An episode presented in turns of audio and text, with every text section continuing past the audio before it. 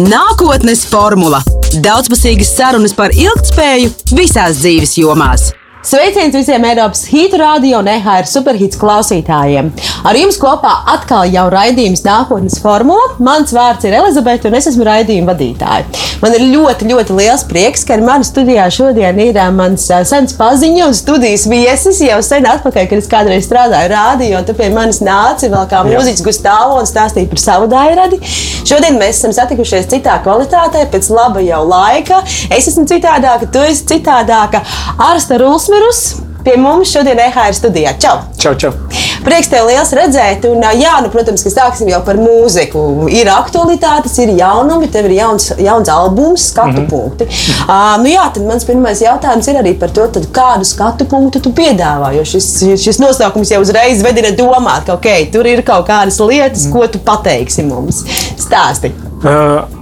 Albums tika nosaukts uh, izvēloties vienu dziesmu, kas, manuprāt, vislabāk raksturo kopējo albuma mm, virzienu, saturisko virzienu.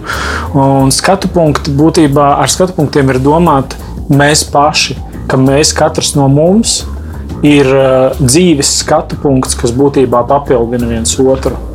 Un rezultātā, ja mēs to savu skatu punktu summējam kopā, mēs dabūjam daudz pilnīgāku, dziļāku un daudzpusīgāku dzīves redzējumu, izpratni. Tas... Kas ir tie galvenie vēstījumi, ko tu šajās dziesmās esi varbūt iekodējis, ielicis? Varbūt tas, tas ko tu tiešām vēlējies ar šo albumu pateikt sabiedrībai? Ar šo albumu tika tāds pieteikts jauns saturisks virziens, ko es devēju par vēlējumu dziesmām vēlējumu dziesmas, principā mm, ir dažādi skatu punkti, kā, kā viņas var nodefinēt, kas tas ir. Un viens no skatu punktiem ir tas, ka mm, šajās dziesmās mazāk tiek likts uzsvars uz problemātiku, ar ko mēs ikdienā saskaramies, un vairāk tiek likts uzsvars uz ideāliem, uz kuriem mēs virzamies. Par ideāliem mēs noteikti vēl parunāsim jā. šīs sarunas gaitā, bet man ir jā, tāds, tāds radošais jautājums. Ja, man liekas, radošā procesā ir divi svarīgi mirkļi. Jā. Tas brīdis, kad tu vispār izdomā kaut ko, un īstenībā daudz svarīgāk par kaut ko, ko tu esi izdomājis, tas brīdis, kad tu pasaki sev, jā, es to darīšu, mm -hmm. un mhm. kad tu pieņem lēmumu reāli pie tā sākt strādāt. Mm -hmm. Un tad nākamais izšķirošais brīdis ir pielikt to punktu. Tīpaši tas ir tavs auklēts, auklēts um, radošs darbs, tad, tad pielikt punktu un saprast, kurā brīdī tas bērns ir pieaudzis un gatavs doties pie cilvēkiem. Man šeit ir tas otrais izšķirošais brīdis, kad vai nu tas notiks, vai arī tas paliks kaut kur tavā skapītī, tavās domās, un iespējams nekad auditoriju nesasniegs. Man interesē, kā tu uh, strādā šo radošo procesu, un kurā brīdī tu domā, okay, ideja labi, šī tā paliks man, un, un, un iespējams nekad nesadzirdēs, ne, nenonāks pie klausītājiem, kurā brīdī, ok, labi, es eju, daru, un tad kā tu beigu galā saproti, ka jā, es lieku punktu un, un laižu dziesmu laukā, un rīt jūs visu to dzirdēsiet. Sākotnēji es eh, to, ko es arī mēģināju pirms tam pateikt, ka es mēģinu nodefinēt tādu kopējo ietvaru, un tas ietvers, tas tās vēlējuma dziesmas, mm -hmm. kur, kur man interesē ielikt iekšā uh, vairāk uzsvaru uz tādu cieņpilnu izpratni par mūsu iekšējo pasauli, par mūsu savstarpējām attiecībām. Tā tas ietvers man ir gatavs, pēc tam man ir nu, ilgs laiks, kad es vienkārši veidoju dažādus uzmetumus, kuri nu, lielākoties nāk paši pa sevi, darot kaut kādas citas lietas paralēli. Šie uzmetumi krājās, un tad, kad uh, vienā brīdī es jūtu, ka ok, tas apjoms ir diezgan liels un ir no kā izvēlēties, tad sākās tas izvēles atlases process. Nākamais. Bet tu šī procesa laikā ar kādu konsultējies, kas ir kaut kāda tevi atbalsta mehānismi vai padomdevēji? Mm, sākumā nē. Kaut kādā posmā, tā kā man jau ir, ir kaut kādi. Uh, Es esmu aizvirzījies muzikāli, kaut kur tekstu ziņā, kaut kur. Un iespējams, ka man kaut kas iztrūkst, un es ilgstoši nevaru līdz tam nonākt pats, tad es eh, konsultējos. Reizēm uh, ir kaut kādas lietas, par kurām es tiešām. Mm, Es saprotu, ka es varētu ieguldīties, pieņemsim, daudzbalsīgu dziedājumu oranžijā. Es varu ieguldīties un ļoti daudz laika tajā ielikt un beigās nonākt līdz kaut kam. Mm. Bet man ir kolēģi, draugi, kas arī ir iesaistīti projektā, kuri diezgan ātri un organiski to izdara. Tā, tādām lietām jā. Bet tu radošiem mērķiem rēķini laiku. Jā, principā es rēķinu laiku un atbildot uz tavu iepriekšējo jautājumu, kas palīdz kā, noslēgt to visu, tas ir vienmēr tie ir termiņi. Jo termiņš kaut kā pieliek to punktu, kad saprotu, ka okay, mēs visi visādi varam ar šo darīties, bet lūk, ir paša noteikts termiņš, kas nosaka pieņemt lēmumu. Principā, ka, okay, tas šī dziesma skanēs šādi. Un ar to pagaidām ir, ir darīts. Tas agrāk man bija mokošāk, tāpēc ka gribējās visu tur nu, aizvest līdz kaut kādam mistiskam perfektumam, ja, perfektam stāvoklim. Mm, bet tad es esmu šobrīd sapratis, ka ik viena dziesma ir kā tāds mozaīkas gabaliņš. Un tas mozaīkas gabaliņš var nebūt ideāls. Tas mozaīkas gabaliņš ir vienkārši šī dzīves posma atspoguļojums. Un, un beig, beigās tas, tas ideālais un neatkārtojamais veidojas šo gabaliņu summā līdzīgi kā mozaīkā, kuru mēs redzam kā kaut kādu mākslas darbu. Mm. Kas ir tās pirmās atsauksmes, ko cilvēki domā, jūt, ko viņi tev saka par šo albumu? Mm, nu, tās atsauksmes ir diezgan uh, divējādas. ja? un, un paredzami no manas skatu punkta divējādas. Uh, ir daļa klausītāju, kas ir tiešām priecīgi par to, ka nāk jauns materiāls, un arī šī daļa klausītāju šo virzienu redz kā loģisku turpinājumu tam, kas bija aizsācies jau Gustavo periodā. Jo, jo tad jau es ar katru albumu veicu izmaiņas uh, un uz kaut kurienu virzījos, un šīs izmaiņas arī turpināsies tālāk. Nu, tad ir cita daļa klausītāji, kuri ļoti, ļoti gaida. Mm, Neskapēc to atgriešanos, ja kaut kāda 2002. gada atgriešanos. Kas, kas, kas principā ir mm, diezgan nereāli, tāpēc ka es esmu tiešām mm, kā cilvēks tik daudzreiz mainījies, ka man tie priekšstati, kas toreiz bija man raksturīgi, šobrīd tie man ir vienkārši sveši. Jā, mūzika ir, mūzika ir laba lieta, bet es ticu, ka ļoti daudz medijos un daudz cilvēku par to ar tevi vēl runās. Mans iemesls, kāpēc es tevi šodien vēlējos redzēt nākotnes formulā, ir ilgspēja. Jā. Jo šis raidījums ir par ilgspēju un daudzas lietas, ko tu uh, esi definējis teiksim, savos pašizaugsmes treniņos un radošuma treniņos, un tie vārdi un tās vērtības, ar kuriem tu spēlējies, tie ir tie paši, ar ko es spēlējos savā raidījumā, domājot par vidas, ekonomisko un sociālo ilgspēju. Mhm. Uh, tāpēc jautājums tev pašam, ko tu pats ar to saproti un ko tu vēlēsies dot cilvēkiem, saucot sevi par pašizaugsmes treneri? Pavisam īsi, tas ir mudinājums uz sevis izzināšanu. Tas ir mudinājums veltīt kaut kādu laiku, pat jebkādā vecumā pašizziņai. Kas ar to tiek saprasts? Principā, ka mēs, mēs kā, kā cilvēki, kā kā būtnes um, esam ar savu iekšējo resursu, un šis iekšējais resurs ir diezgan staigājošs un mainīgs. Uh, mūsu uztvere ir ļoti, uh, ļoti mainīga kas ir nevis gadu griezumā, bet dienas, pat stundas un minūtes griezumā, ja mēs skatāmies. Un, un tiklīdz mēs sākam šai iekšējai pasaulē, šai mūsu uztverei uh, pievērst vairāk uzmanības, mums ir lielākas iespējas uh, uz kaut kurieni sevi virzīt. Lai ir, kas tas būtu? Tā būtu garīga izaugsme, tā būtu profesionāla izaugsme, ja, tā būtu, tās būtu. Katram ir savas vērtības. Un daudz lielāka iespēja ir miedarboties ar citiem kvalitatīvi, mm -hmm. cieņpilni, tā varētu teikt. Kas ir tie grābekļi, uz kuriem mēs kāpjam? Ko tu par cilvēku dabu esi sapratis tādu, kas ir tās nu, kļūdas, kas pārklājās, ar ko mēs netiekam galā, kur veidojas problēmas? Mm. Problēmas, man liekas, veidojas uh, tādā dualitātē, kad, kad pirmkārt gribās visu kā, padarīt melnbaltu, labs, slikts, uh, derīgs, nederīgs. Tas ir viens no grābekļiem. Uh, nepacietība Tas ir uh, cits grābeklis. Nepacietība un neiecietība attiecībā pret sevi un līdz ar to arī attiecībā pret citiem. Jo ir tādas ļoti bieži vien vai nu augstas expectācijas attiecībā pret sevi un, un gribās uzreiz visu un perfektu un tūlīt un uzreiz. Vai nu vispār nē, tā virzienā, tās, tās galējības. Ja? Un, un reizēm tas ir tas, tā tā otra galējība ir tāda vispār neticība sev. Nu, kaut kāda vilšanās, kas ir notikusi, ka cilvēks jau vienreiz, otrreiz, piekto reizi ir mēģinājis. Bet tie mēģinājumi ir bijuši raksturīgi tam pagātnes es, nevis tagadnes es. Mm. Un, ja mēs skatāmies uz sevi, uz šo tagadnes sevi caur pagātnes prizmu, tur ir ļoti daudz kļūdas iespējams. Kā šis individuālais es veido attiecības ar sabiedrību? Kā tu izproti šo individuālo un kolektīvo pašizaugsmi? Mm.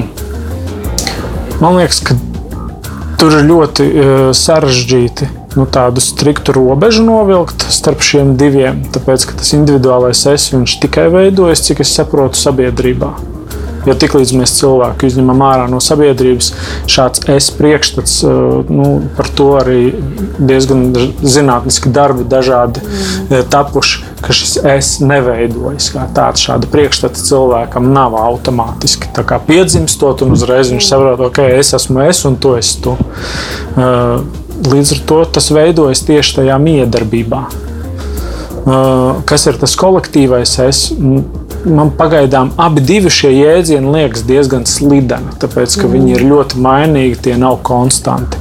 Un tiklīdz mēs viņiem pieķeramies arī kā kaut kam konstantam, man liekas, tā ir uh, vieta, kur notiek kļūdas sistēmā, jau sāk notikt un paredz citas kļūdas. Bet bieži jau saka, ka cilvēku dabu nevar mainīt, vai arī tas ir ārkārtīgi grūti. Un kāds tu piedzimti, tās tu arī esi, un to būtību jau nevar izmainīt. Kā tev šķiet, var vai nevar? Es domāju, ka var. Un tas, nu, tas mainās neatkarīgi no tā, ticam mēs tam vai neticam. Pat ja mēs paņemam cilvēku, kurš ir nu, ļoti strikti turās pie saviem ieradumiem, saviem principiem, kurus viņš ir nodefinējis, un, un viņš pat atsakās mainīties. Uh, Es domāju, ka viņš tāpatās mainās. Vienkārši tie, tie principi paliek ar vien stingrāki, noturīgāki un grūtāk pēc tam mainām. Ja? Un, un arī otrādi. Principā, man liekas, cik es saprotu, neviens no mums nepaliek tāds pats, kāds viņš piedzimst, vai pusauģu vecumā, vai, vai nonācis līdz kaut kādam briedumam. Cilvēki nepaliek tādi paši, jo pats smadzeņu darbība uh, ir tāda tas mehānisms ir tā uzbūvēts, ka tur visu laiku notiek izmaiņas, visu laiku veidojas ar vienu jaunu, jaunu savienojumu starp mūsu smadzeņu daļām. Vai tu esi apzinājies kaut kādas robežas? Kas ir tas, kas mūs ierobežo? Mm. Vai kas ir tas, kur mēs tomēr nevaram pārkāpt pāri? No vienas puses, nu, tā vispār atbildot šo jautājumu, man liekas, ka tas, kas mūs ierobežo, visbiežāk ir mūsu pašu priekšstati mūsu pašu priekšstati, eh, kas ir veidojušies mm, mūsu vidē, kurā mēs esam pavadījuši laiku. Vai tā ir ģimene, vai tas ir draugu lokus, vai tie ir darba kolektīvi un tā tālāk. Tā joprojām. Eh, ir izveidojušies priekšstati, par nu, kuru vadoties, nu, no kuriem mēs vienkārši izsacinām, šis ir iespējams, šis nav, un attiecinām daudz ko uz sevi. Eh, ļoti bieži vispārināti vispārināt, uztverot arī sevi. Mm, no otras puses, man liekas, ka tās mm, reālās robežas laikam tomēr ir tajā, cik ātri izmaiņas ir panākamas. Bieži vien tā, tā nepacietība, par kuru es arī pirms tam minēju, ja, kur kur liek mums kaut kā dzīties pēc tā rezultāta ātrāk un vispār koncentrēties vairāk uz to rezultātu, ir viens no bremzējošiem faktoriem arī. Um, ir viens no tiem klupšanas akmeņiem. Uh, jo, nu, manuprāt, absolūti abnormālas uh, izmaiņas uh, var piedzīvot tik viens. Bet tas bieži vien prasa ilgāku laiku, un ieguldījumu, un pacietību un, un vienkārši konsekventu mēģināšanu vēl un vēl un vēl. Kas tev pašam ir bijis vislielākais izaicinājums? Hmm. Man to izaicinājumu ir bijis tik daudz, man grūti ir šobrīd nodefinēt vislielāko. Mm, es varu pateikt, kaut kādi tie pirmie izaicinājumi un pēdējie. Tāpēc, ka pirmie man likās, tie bija tādi spilgti, kaut gan šobrīd tie man vairs nebūtu izaicinājumi, ja, un pēdējie, jo tie labāk turās atmiņā. Pirmie, mm, tad, kad es uh, nolēmu sākt strādāt ar sevi, ar saviem ieradumiem. Es biju 21 gadu pīpējis, un es pīpēju tā, pa divām paciņām dienā diezgan ilgu laiku, ilgu periodu. Un tas bija diezgan izaicinājums, jo es biju mēģinājis mest nost vairākas reizes, un, un tad vienā brīdī es to vienkārši izdarīju. Tieši tajā pašā laikā es eh, nolēmu, ka es gribu sākt sportot, sāku skriet un, un gatavoties eh, maratonam, pusmaratonam sākumā eh, Mans miega režīms bija tāds, ka es parasti gāju gulēt kaut kur ap četriem no rīta un modos kaut kur ap pusdienas laiku, un es nomainīju to. Uh, uz režīmu, ka mm, es ceļos sešos no rīta, sāku uh, praktizēt meditācijas, dažādas uzmanības vadības mm. prakses. Un tas mīnus bija un izaicinājums bija tajā, ka es to visu sāku darīt vienlaicīgi, un tas bija viens no maniem galvenajiem grābekļiem ja, uz kuras diezgan ilgi kāpu un nevarēju saprast, kāpēc man viss sāk bremzēt un neiet uz priekšu tās izmaiņas. Nu, tas bija diezgan liels izaicinājums kopumā. Tas pirmais, pirmie divi gadi, tas bija laiks kaut kur no 2012. līdz 2014. gadam. Nu, pēdējie izaicinājumi tādi. Mm, Es, es pirms uh, iepriekšējo gadu, visu gadu vadīju vienu projektu Azerbaidžānā, uz kuriem mēs vedām mm, tas izglītības projekts, uz kuriem mēs uz Baku vedām uh, speciālistus no visas pasaules saistītas ar sociālām, emocionālām prasmēm. Mhm. Tas bija lekcijas, tie bija nodarbību cikli. Papildus tam, ka tā ir pilnīgi sveša uh, vide, man uh, es nekad līdz šim arī nebiju vadījis projektu angliski. Līdz ar to tas viss bija jāmācās uh, procesā jāapgūst, gan jāizzina, jāsaprot vide, kultūra. tā, tā kultūra, jā, kā notiek miedarbība šādā projektu izveidē starp cilvēkiem tur uz vietas. Un plus vēl, protams, nāca tā, tas bija pilnīgi dažāda komunikācija ar cilvēkiem tur un cilvēkiem, kas brauca no Amerikas, no Vācijas, no Īrijas, no Zviedrijas, no Krievijas. Ja. Tā, tas bija tāds tiešām mikslis. Un kā jums gāja? Kopumā gāja ļoti labi.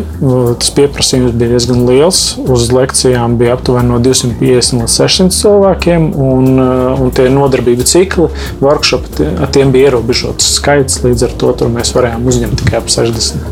Nu, mums bija deviņi viesi, tie bija deviņi šādi pasākumi reizi mēnesī, kas notika.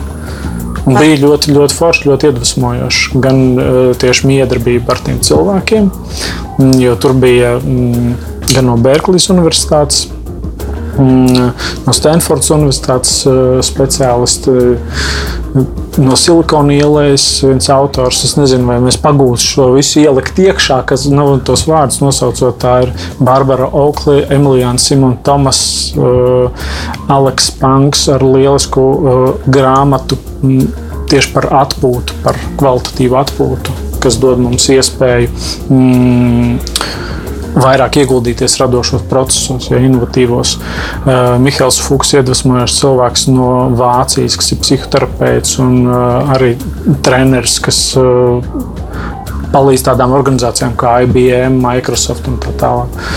Tu tagad saliki man tādu sapņu viesu listi, ko es gribētu paaicināt, parunāties. Jā, tas bija tiešām tas bija iedvesmojoši, vienlīdz ar izaicinoši. Kā tu vari salīdzināt? Tu strādāji Latvijā ar cilvēkiem, tagad tev ir arī starptautiska pieredze, kur ir kaut kādas kopīgās, atšķirīgās iezīmes. Hmm. Vai cilvēki visur ir cilvēki un, un, un pārdzīvojumiem un izaicinājumiem vienkārši nav robežu? Jā, savā ziņā. Uh tas, tas viss, tā informācija un tās metodas, ar kurām brauc šie speciālisti, manuprāt, ir attiecināma absolūti uz jebkuru auditoriju šobrīd pasaulē. Ja mēs runājam tieši par to saturu un par to, kā, kā tas būtu izmantojams, es domāju, ka šeit cilvēki piedzīvo tieši tos pašus izaicinājumus. Ja mēs runājam par, par tām atšķirībām vai, vai līdzībām tieši šā, š, attiecībā uz šādu projektu. Tādu, ja. Man liekas, ka Latvijā šobrīd ir pārsātinājums ar šo informāciju. Mm. Un, un, un man liekas, ka tas no vienas puses ir labi. Jo no manas skatu punkta šo pārsātinājumu rada tieši tie cilvēki, kuriem pašiem tas ļoti interesē. Viņi bieži vien izmanto to savu interesi un to, ka viņi ir iedziļinājušies šajā jautājumā, izmanto visu šo, lai arī sniegtu to citiem. Un es neesmu izņēmums šajā ziņā. Es iespējams caur savu skatu punktu redzu, uh, caur savu prizmu redzu arī apkārtējos. Man liekas, ka tas ir forši, uh, jo, jo tādā veidā arī notiek efektīvāka mācīšanās. Mm, ja mēs salīdzinām, piemēram, Azerbaidžānu, tur pagaidām tā informācija tikai, tikai sāk tā, attīstīties un iet iekšā. Tu jau pieminēji vārdu metodus, un pats jau arī minēji, ka tu pirms laba laika jau sāki praktizēt un mācīties meditāciju. Kas vēl ir tās praktiskās metodas, ko tu esi atradzis pats priekš sevis un ko tu centies pielietot praksē? Hmm. Principā tie ir uh, elpošanas vingrinājumi. Protams, tās, tā ir fiziska slodze, kas ir vajadzīga. Man laika pa laikam ir tādi periodi, man, man izkrīt ārā no dienas kārtības, un tad es vienkārši uh, mēģinu to ieviest atpakaļ, jo tas ir ļoti, ļoti vajadzīgs. Tīpaši, ja tas darbs ir saistīts ar, ar kaut kādu ideju ģenerēšanu, ar kaut kādu tādu mentālu darbu. Protams, mm, miegs kvalitatīvs miegs un kvalitatīvu miegu, manuprāt, nosaka bieži vien tieši tā sagatavošanās, kas tiek darīts pirms šī miega.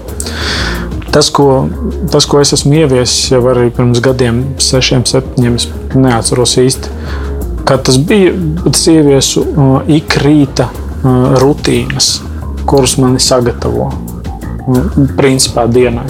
-hmm. Un tā iekļauj gan mācīšanos, Tāpēc, ka es no rīta es jūtu, ka es esmu visuztvarošāks. Mm -hmm. nu, tā kā man uztvere ir eh, vislabākā savā kondīcijā, eh, tad ir kā reiz tās elpošanas eh, un meditācijas prakses, ir kontrasts dušas. Jebkāda arī relaksācija tādā veidā ir palīdzoša. Kontrasts duša nu vienmēr ir relaksācija, bet kaut vai silta duša tas ir ļoti palīdzoši. Jo pamostoties, ir divi veidi stāvokļi, kurus es piedzīvoju. Ir vai nu bijis tāds apātisks stāvoklis, kad ir vēl grūti pamosties, no kura jādabū mhm. sevi ārā.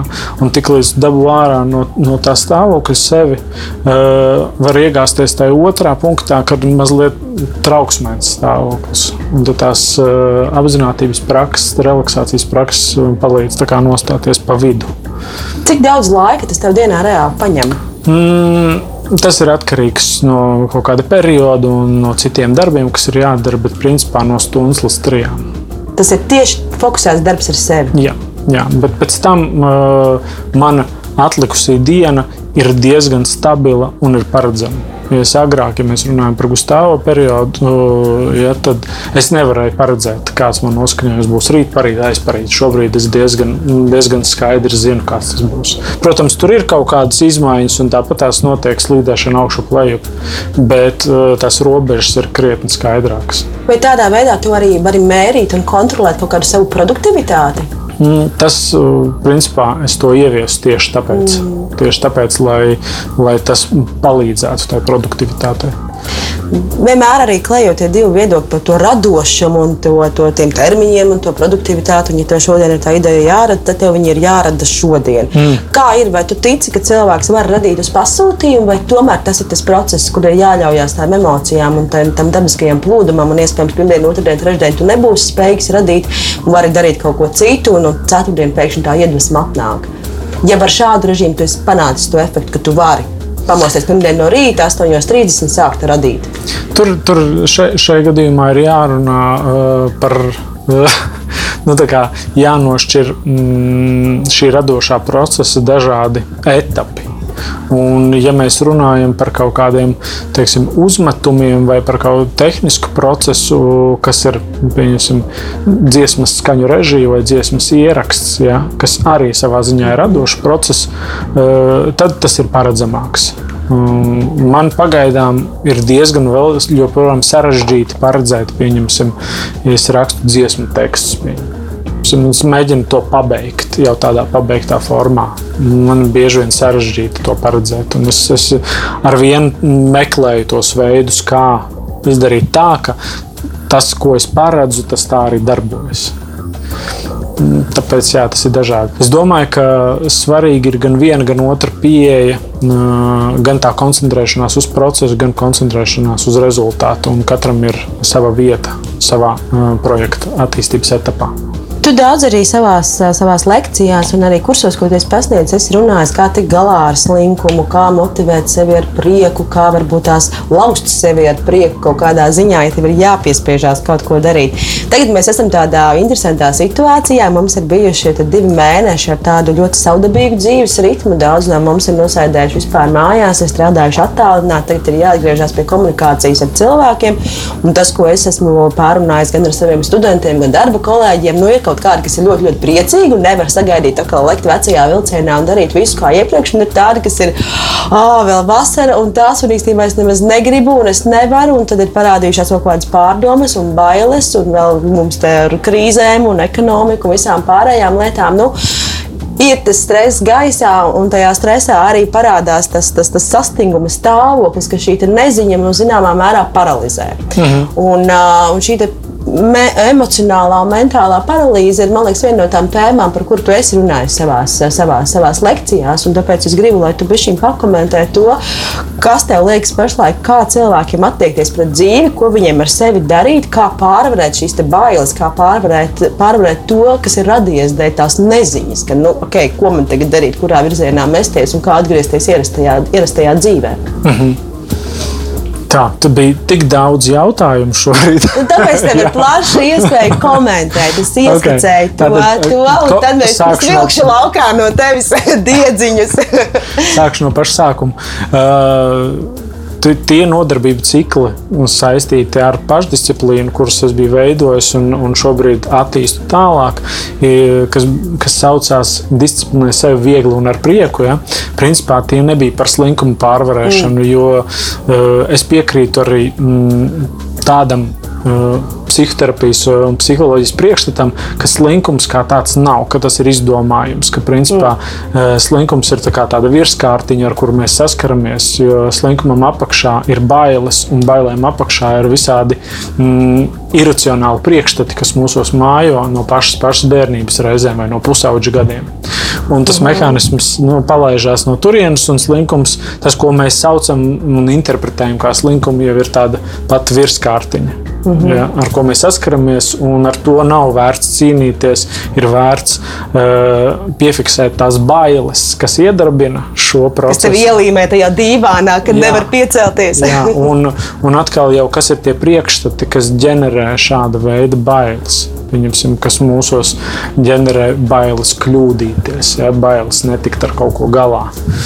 Kaut gan uh, jebkurš no mums piekritīs, nu, tādā doma līmenī, racionāli piekritīs, ka dzīve ir mācība process, un mēs mācāmies visu mūžu, un jebkura kļūda tas ir labi, jo mēs augam. Tad emocionālā līmenī mums ir pilnīgi cita uh, izpratne par kļūdām. Un mums kļūdas saistās ar kaunu, un kauns ir tas, ko negribētos piedzīvot. Mm -hmm. ja, kas ir kaut kas ļoti izaicinošs.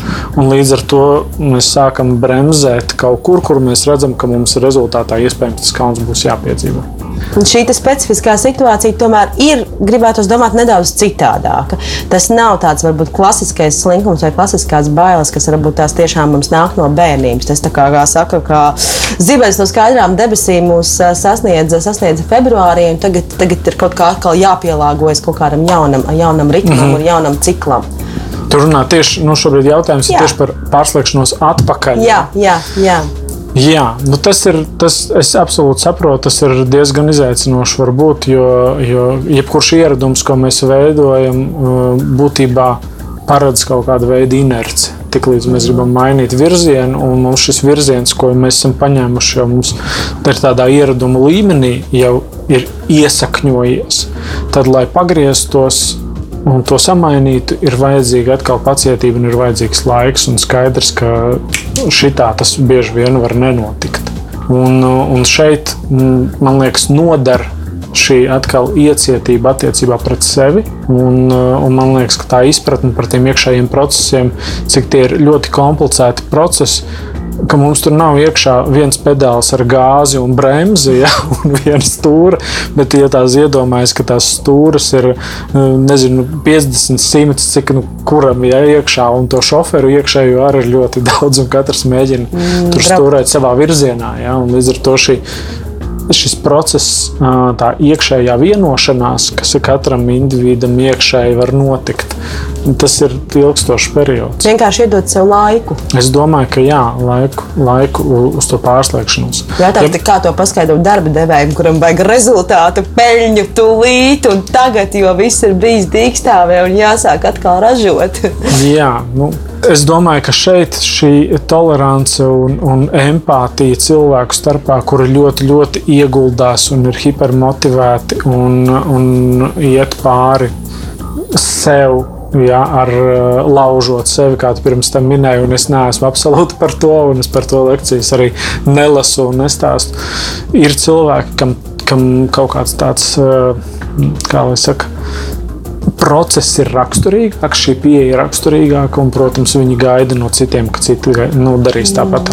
Par to agresiju pret sevi. Es pazīstu arī personīgi daudz dažādus cilvēkus, kur tiešām tā kampaņa veidīgi ļoti agresīvi iet un, un, un maina sevi un disciplinē un lauž un nenormālās ciešanās un mokās. Un tad ir tas jautājums, cik veselīgi tas ir. Nu, ja tu nonāc tādā diskomfortā pats ar sevi, vai tas process ir caur puņķiem un asarām, vai tomēr nu, tu saki, ka tas var notikt arī viegli un ar prieku. Es domāju, ka mm, tas būtībā kaut kāda veida izaicinājums tajā izaugsmas procesā vienmēr ir klātesošs, tam ticu. Mhm. Bet es arī ticu tam, ka mm, ir tas, ko mēs saucam par komforta zonu. Un, un bieži vien dzirdēts šis teiciens, ka izaugsme māju ārpus komforta zonas.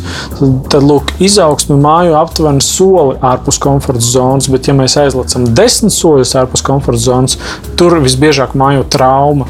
Un sanāk, ka es varu sevi lauzt līdz kaut kādam brīdim, bet ja es būšu sasniedzis kaut kādu tādu. Uh, stāvokli, ko mūsdienās arī mēdz dēvēt par kaut kādu izdegšanu, jā, emocionāli vai kādu. Uh, tad otrreiz iet šo ceļu var būt jau, jau krietni sarežģītāk. Tāpēc, kad ir piedzīvota šī trauma un kaut kāda daļa mūsu no uh, iekšējās pasaules uh, vienkārši atsakās jau iet tajā. Un tas ir, tas ir arī viens no iemesliem, šāds paņēmiens, gribas spēka paņēmiens, virzīties uz kaut kādiem saviem mērķiem, uh, saistītiem ar sevis mainīšanu. Bieži vien ir saistīts ar to, ka vārds disciplīna mums neasociējas ne ar ko patīkamu. Mm -hmm. ja? Ka mums, tā kā sev disciplinēt, tas uzreiz ir mazliet zobu sāpes. Un nevis tāpēc, ka pats šī disciplīna ir tāda, bet mūsu priekšstats par šo disciplīnu ir tāds, jo mēs esam izmantojuši tikai vienu sevis laušanas tādu paņēmienu un sevis piespiešanas. Kādus paņēmienus tu zini? Sevis izziņa. Sevis izziņa, caur kuru mēs vairāk saprotam to savu kapacitāti, tās savas uh, iekšējā resursa izmaiņas noteiktos periodos, un līdz ar to mēs precīzāk varam paredzēt to latiņu, kur sev uzlikt. Un līdz ar to mēs varam paredzēt laiku, kad to latiņu sev uzlikt vajadzīgo. Un mēs varam noteikt, ok, šobrīd es esmu tajā stāvoklī, kad mana latiņa ir šeit, un šobrīd es esmu tajā stāvoklī, kad mana latiņa ir šeit. Daudz precīzāk. Un tā sevis izziņa, lai nerunātu abstrakti, tā ir sevis pētīšana ar fiksēšanu, es domāju, rakstiskā formā. Tas ir viens no veidiem. Uh, viens no veidiem ir, ja mēs runājam kā piemērs, ja, kad ir cilvēkam jāstrādā ar kaut kādām komunikācijas prasmēm. Ļoti efektīvs paņēmiens ir sevi rakstīt, sevi filmēt. Tas ir nepatīkami. Ir tīpaši, ja tu redzi kaut kādas savas kļūdas un par tām kļūdām tu pārdzīvo. Bet tas ir efektīvs veids. Un līdzīgi eh, kā neviens uzņēmums, man liekas, eh, nu, ja mēs runājam par lieliem, komplicētiem uzņēmumiem, kas darbojas arī tādi uh, ilgstoši un, un mēģina augt, nav iespējami bez viņu darbības iegrāmatošanas un analīzes. Līdzīgi arī mūsu atmiņa ir ļoti, ļoti mānīga. Un, ja mēs neiegrāmatojam savus teiksim, kaut kādu pieredzi, pārdzīvojumus, secinājumus, atziņas, tad tas viss izplēna. Un mēs dzīvojam bieži vien ļoti, ļoti mānīgā priekšstatā par sevi. Vai mēs varam gaidīt no tevis grāmatu, kādā, ja kādā jaukā dienā autobiogrāfisku stāstu par pašizaugsmi? Es domāju, ka uh, uz to var cerēt, gaidīt nevajag. Gaidas var, var būt mokošas, bet iespējams. Rakstīšana vai vēl kas nāk prātā? Mm, hm. Es domāju, uh, ka laiks, kas ir veltīts novērošanai, pareizāk sakot, šī novērošanas procesa vispār kā tāds. Mums ir raksturīga novērošana ar uzreiz nevērtējumu. Un mēs ne, bieži vien nemākam šo vērtējumu atslēgt. Un tas ir traucējošs faktors sevis izziņā, ka mums uzreiz gribas novērtēt un pateikt, labi, tas bija vai slikti, ko es izdarīju, vai kas ar mani notika, vai ko man kāds tur pateica. Bet šī prasme būt tai novērotāju pozīcijā, kas ir attīstāma un kas ir attiecas gan uz mūsu iekšējo pasauli, gan uz mūsu pieredzi eh, mūsu dzīvē, tajā, kurā mēs sevi apzināmies. Ja? Tā, tā ir ļoti būtiska prasme, kuru mēs varam attīstīt soli pa solim, vienkārši ar to nodarbojoties, novērojot vai nu iekšējais process, vai nu kas notiek ap mums šeit un tagad. Laiks, laiks, laiks. Mēs visu laiku skrienam tajā vāveres ritenī, ka mums tā laika nav. Mēs visu laiku pēc viņa ilgojamies, mm. tiecamies. Viņa visu laiku mums trūks, un laiks mums dara pāri, un viņš mums dara stresā. Mm. Uh, šķiet, ka tava, Cik neparasti. tava, tava, tavs pieejams parasti otra, ka nevis laiks valda pār tevi, bet tu valdi pār savu laiku. Jā, nu, principā man gribētos uh, ticēt, ka tas tā arī ir ka mēs esam sava laika noteicēji. Ja? Man liekas, tas jau ir arī sen zināms un klišejisks teiciens, ka ne, nevis laikā ir problēma, bet prioritātēs pieņemsim, ja? tajā, kas tad ir būtisks. Un, ja mēs runājam par šo ilgspēju, par uh, spēju mm, sev uzlikt kaut kādus mērķus un tad uz, uz tiem virzīties. Varbūt lēnām, bet tomēr produktīvi. Ja? Tad man liekas, ka šī veltīšana sevis stabilizācijai, caur šo no, uh, novērošanu, savu iegrāmatošanu sevis ir diezgan būtiska. Kā tu tiec galā ar to dinamisko ātrā pasauli un tomēr šo laiku sev un šo mieru, ko tu centies saglabāt? Jo nu, tu esi publiska personība, mm. tev aicina uz intervijām, tev ir jādara nezinu, sociālie tīkli, vis kaut kādas aktivitātes, komunikācija. Nu, vienā brīdī tas pār, var pārņemt visu tavu dzīvi. Mm. Kā tu prioritizē šīs lietas? Vai tev ir no sērijas konkrēts laiks, tur vienu stundu dienā es veltīšu publiskai komunikācijai un sociālajiem tīkliem, vai kā tas praktiski notiek? Manā dzīvē, pirmkārt, es gribētu uzreiz pateikt, ka, manuprāt, es esmu krietni lēnāks nekā cilvēki šajā, šajā uh, laikā dzīvo. Ja? Manuprāt, jā, es no daudziem esmu no saviem līdzcilvēkiem dzirdējis par to, ka es esmu mazliet tādā aiz, aizbremzētā ritmā dzīvoju. Uh, kā es tieku? Es principā mēģinu. Um, mēģinu nelikt kopā daudzas lietas. Tāpēc, ka tiklīdz es lieku kopā nu, sāku nodarboties ar multitasking, kuras nereti iekrīt, tā es lamatās, produktivitāte krītās un temps patiesībā salēninās. Iluzori man liekas, ka es diezgan ātri rosos un visu kaut ko mēģinu pagūt, bet patiesībā tas tā nedarbojas. Vismaz manā gadījumā. Un līdz ar to man nākas ik pa laikam kaut ko upurēt un likt malā. Un es saprotu, ka citādāk es neaizvirzīšu uz priekšu to, to kas man interesē, kaut kādus radošus procesus. Fokus. Jā. Manā gadījumā vēl tas, kas bija to visu padara bremzīgu, es ik pa laikam ķeros klāt. Mm, kādām lietām, kuras pirms tam es neesmu darījis, jo man ir interesants arī šis izaugsmas process un, un mācīšanās tālāk. Un tas, protams, salēnina visu. Kad, kad sākās pašizolācijas periods, marta vidū, ja, bija jāizdod albums skatu punkti. Un tas iekrita tieši tajos datumos, un mēs sapratām, okay, šobrīd to laikam uzreiz nevajag darīt, vajag bišķi nogaidīt, lai, lai, tas, lai šī trauksme mazliet nokrītās. Un, un, un mēs nolēmām, ka ir jāfilmē video citai dziesmai.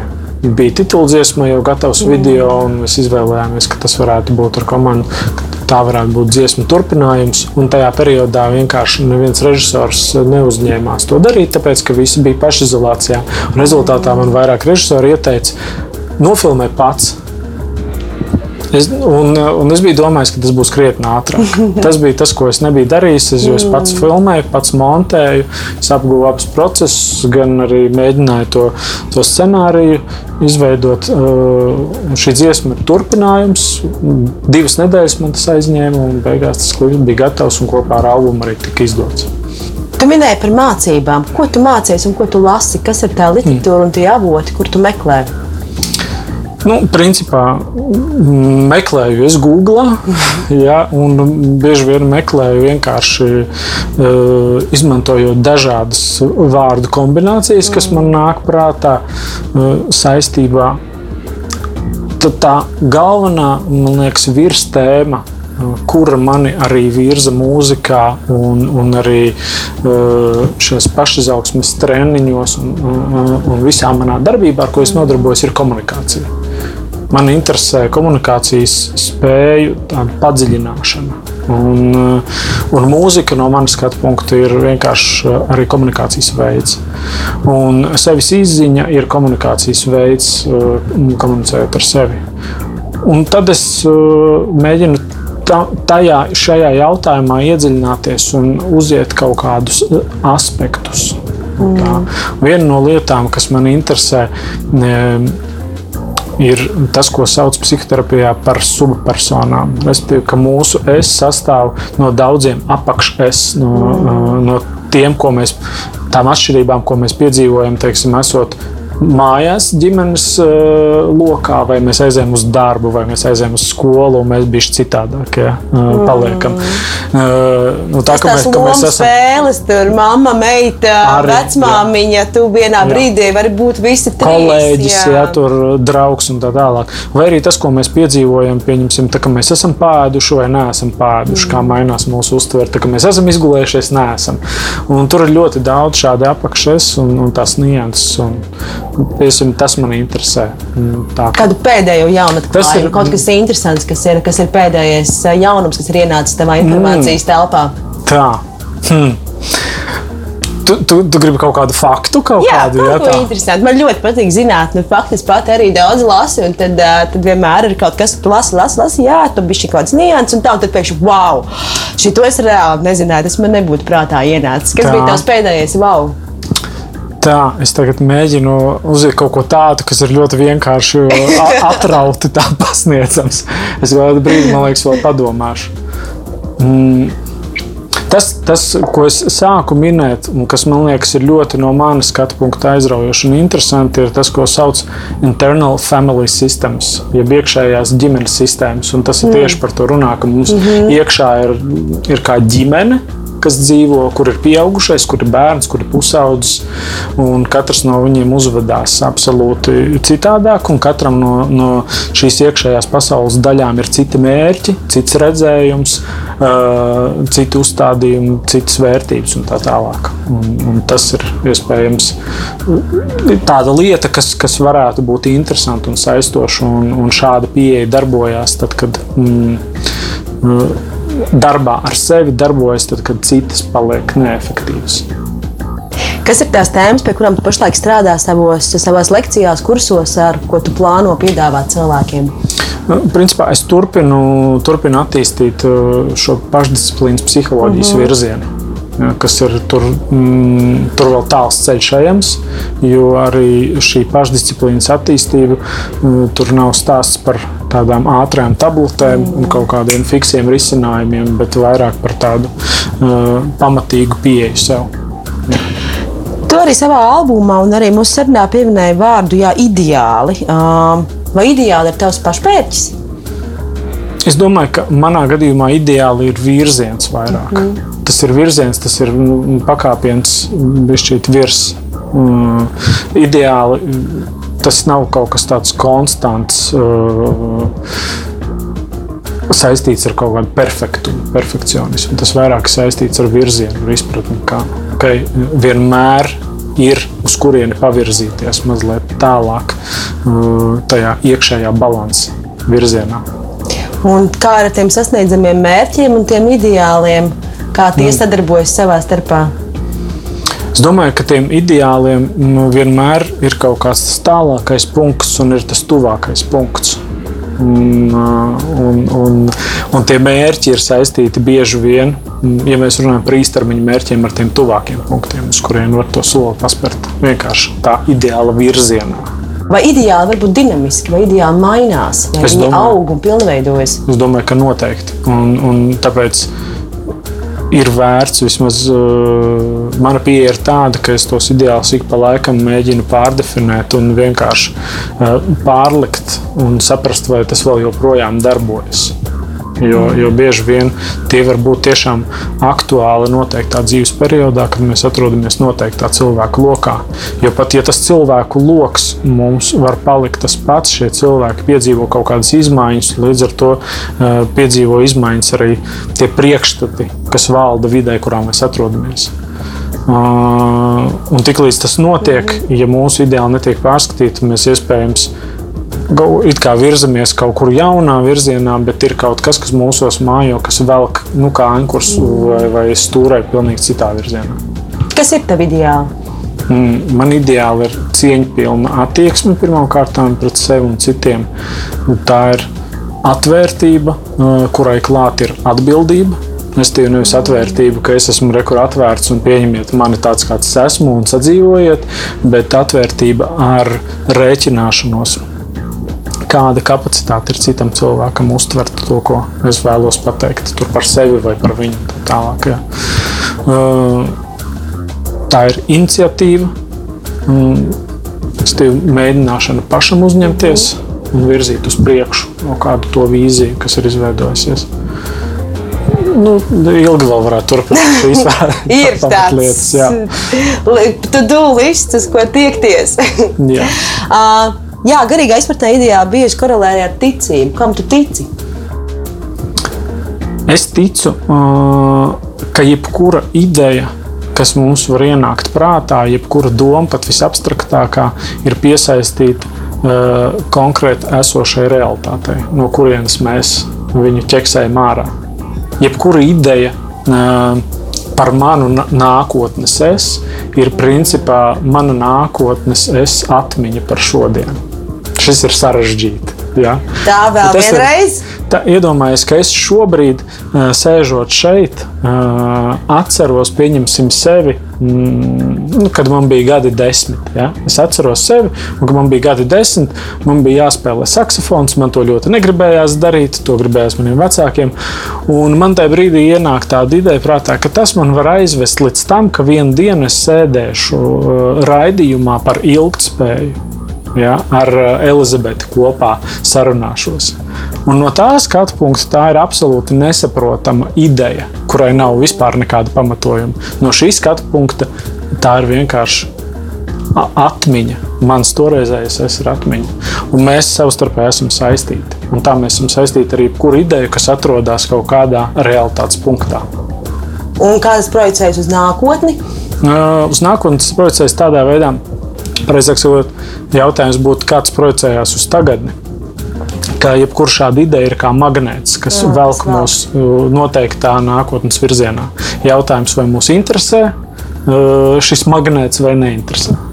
Ja mēs visi esam tādā magnētiskā sistēmā, kā tu jūties šeit un šodien Latvijā, tāda kāda tā ir 2020. gada jūnijā? Hmm.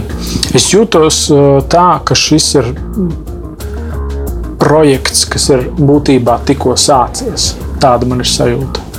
Kā, uh, ir lietas, kas uh, šeit Latvijā gan sociāli, gan ekonomiski nav vēl pabeigtas, un tas ir loģiski, jo šis projekts savā ziņā ir tikko iesācies. Jo mums nācies vairāk kārt piedzīvot gan krīzes, gan piedzīvot nu, tādu sistēmas pāriestatīšanos, un tas prasa laiku. Un es jūtos, ka tas ir vienkārši tāds mācību process, kam mēs ejam cauri. Un tas nav runa, šobrīd nav runa arī tikai par Latviju. Es domāju, ka pasaulē esam tas demokrātiskais modelis, ko mēs mācāmies. Pagaidām ir vēl ļoti, ļoti tāls no savas pilnības, tāpēc ka šīs komunikācijas prasmes, ko tas pieprasa, Uh -huh. ja, katrā no mums ir attīstāms vēl ilgu laiku. Kādu tu izjūti savu atbildību šī projekta priekšā? Labs jautājums. Tā nu, sarežģīt, sarežģīt kādu lomu. Nu, šajā gadījumā um, šo lomu, man liekas, es jau diezgan sen esmu izvēlējies. Tā, uh, tas, tie ir radoši procesi, kas saistīti ar mūziku, un precīzāk es jau nodefinēju viņus tev pirms brīža. Šobrīd es redzu, ka tas uh, ka viss šī radošā darbība ir saistīta ar komunikācijas prasmēm un ar komunikācijas prasmu attīstību. Un es ceru, ka kaut kas no manis darītā kādam dos vienkārši kaut vai uh, graudiņu, vai kaut vai palīdzēs viņam aizvirzīties pusmilimetru tajā virzienā, uz kurien viņš virzās vai vēlas virzīties forši. Uz šīs pozitīvās nots es domāju, ka šim raidījumam pietiks. No, es ceru, ka super. mēs vēl kādā citā raidījumā tiksimies. Bet pirms mēs vēl beidzam, man ir daži jautājumi no mūsu klausītājiem. Mm -hmm. uh, tā. tā tad, tūlīt skatāmies komentārs, lasot tavu vārdu, no otras puses tāds spēcīgāks liekas. Mēs tam tūlīt pamēģināt, kā tas ir. Uh, sur, Surimslu. Tas nu, tu, nu, spēcīgāks vai sarežģītāk izrunājums? Nu, tur jautājums, jā. Vai jaunais albums būs CD formātā? Jā, es domāju, ka jā, bet tas būs uz gada beigām. Restīvi, CD formāts būs pieejams tad, kad būs koncerti, uh mhm. -huh. kuri šobrīd ir pārcelti. Jā, kad ir? Uh, šobrīd Mums izskatās, ka ir septembris, bet uh, mēs nezinām, kāda būs tā situācija. Varbūt būs jāpārceļ vēlreiz uz nākamā gada pavasari. Turam īkšķus, septembris. Jā, turam īkšķus. Uh, ja tev būtu izvēle kļūt par kādu no kokiem, kurus tu izvēlētos? Hmm. Tā. Tev ir laiks, tu vari padomāt. Tā, tūlītās. Es domāju, ka es izvēlētos, bet es nezinu to koku nosaukumu. Es vienkārši redzēju tos kokus um, Kambodžā. Kambodžas džungļos. Uh, tur ir pilsēta Simrīpa, kur ir ļoti daudz apkārt ir tempļu, dažādu senu tempļu, kas ir tūkstotis un vairāk gadu veci. Ja? Un tur bija tādi koki, uh, kas aug 3-4 metru augstumā, un viņiem saknes stiepjas līdz zemei. Es mm. nesaprotu, kā tas notiek, bet man liekas, ka tas ir ļoti. Nu, tie koki ir diezgan universāli un spējīgi pielāgoties tai videi. Viņiem netraucē, ka viņiem, ka viņiem savas saknes ir jāstiep tur tādu, tādu milzīgu gabalu līdz zemē. Jā, Mums, jā ja man te video es atradīšu to bildi, ielikšu jā. to koku, mēs varam apmainīt. Es pārbaudīšu, vai ir īstais vai nav. Jā, bet vizualizējot, varētu būt skaisti. Tāds avatar, tāds, tāds, tāds jā, efektīvs. Uh, cik tev ir gadi? Pavisam vienkārši. Uh, Tūlīt tās būs 42 burti pēc, pēc uh, pusotras nedēļas. Super, jūnijas dzimšanas diena. Tā, tāds arī sarežģītāks jautājums. Jā. Vai tu esi sastapis dziļus tekstus, kas ir bez sarežģītiem vārdiem un teikumu veidojumiem? Kur tādus meklēt? Hmm. Dziesmās meklējiet šādus tekstus dziesmās. ja šīs dziesmas atspoguļo uh, tās vērtības, uz kurām jūs virzaties, ja šīs dziesmas palīdz jums vai atgādina par tām īpašībām, kuras jūs sevi uh, mēģināt attīstīt, tad tās ir dziesmas, manuprāt. Dzēja? Jā, iespējams arī dzēja. Uh, kādēļ mēs nedzirdam agrāk tik raksturīgo recitatīvu ar laustajiem ritmiem? Hmm. Uh, Es iesaku vienkārši iet Spotify. Uziet mākslinieku ar Starūlas mirusu, vai, ja to sarežģīti ir uzrakstīt vienkārši skatu punkti, tur parādīsies albums, un šajā albumā, kas ir izdots pirms pāris mēnešiem, ir arī recitatīvs ar laustajiem ritmiem. Tā tad vienkārši ir jāmeklē, kas meklē, Jā. tas atrod. Kas man dzīvē ir jāpiekop, lai arī es varētu nonākt līdz savas dzīves vārda sadzirdēšanai? Mm, Es domāju, savas iekšējās pasaules novērošanas process jāpiekopja. Tā ir uzmanības fokusēšana uz iekšējiem procesiem, bez vērtējuma. Mēģināt noturēties tieši tajā novērošanas procesā, nevērtēt un, un nelikt prom. Neizdarīt priekšlaicīgus secinājumus. Jā. Paldies, tev liels! Bija liels prieks tevi redzēt. Paldies mūsu klausītājiem! Tiekamies jau nākamajā raidījumā. Ar jums kopā bija uh, mūziķis, producents, pašizaugsmes treneris Ārsta Rūsvirus un raidījuma vadītāja Elizabete. Atā, līdz nākamajai reizei!